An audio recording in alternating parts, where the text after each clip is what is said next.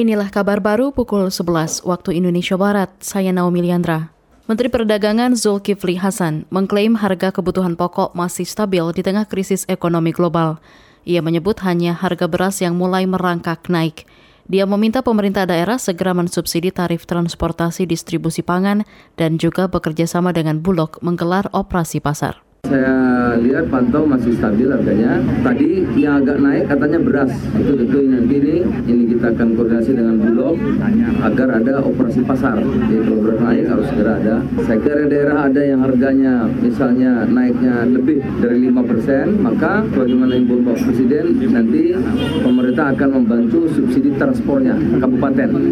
Jadi bupati, gubernur diharap makanan pokok yang harganya naik di atas 5% dibantu transportasinya. Menteri Perdagangan Zulkifli Hasan menyebut kenaikan harga beras yang tidak signifikan tetap bisa berpengaruh pada laju inflasi sebesar 3,3 persen.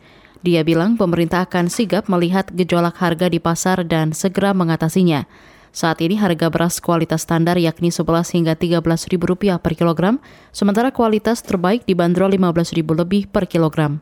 Beralih ke informasi hukum, Penyidik Jaksa Agung Muda Tindak Pidana Khusus Kejaksaan Agung memeriksa Sekretaris Daerah Kabupaten Serang TB Entus Mahmud Sahri. Mahmud diperiksa sebagai saksi dalam perkara dugaan korupsi penyimpangan dan atau penyelewengan penggunaan fasilitas pembiayaan dari beberapa bank oleh PT Waskita Beton Prikes. Dugaan korupsi itu terjadi sejak 2016 hingga 2020 dengan nilai 2,5 triliun rupiah.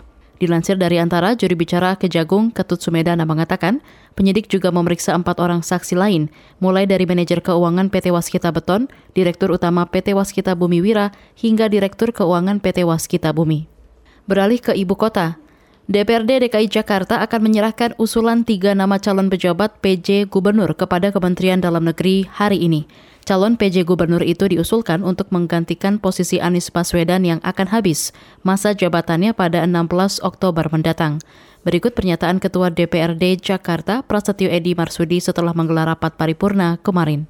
Tadi sudah saya tantangani semua para pimpinan, besok akan dikirim ke Kementerian Dalam Negeri. Bahwa yang terjaring nama ada tiga nama, yaitu Pak Heru, Pak Marula, dan Pak Bahtiar. Angkanya juga 996. Ketua DPRD DKI Prasetyo Edi menambahkan ketiga nama yang diusulkan itu akan diserahkan kepada Presiden Joko Widodo untuk selanjutnya dipilih dan dilantik sebagai PJ Gubernur Jakarta.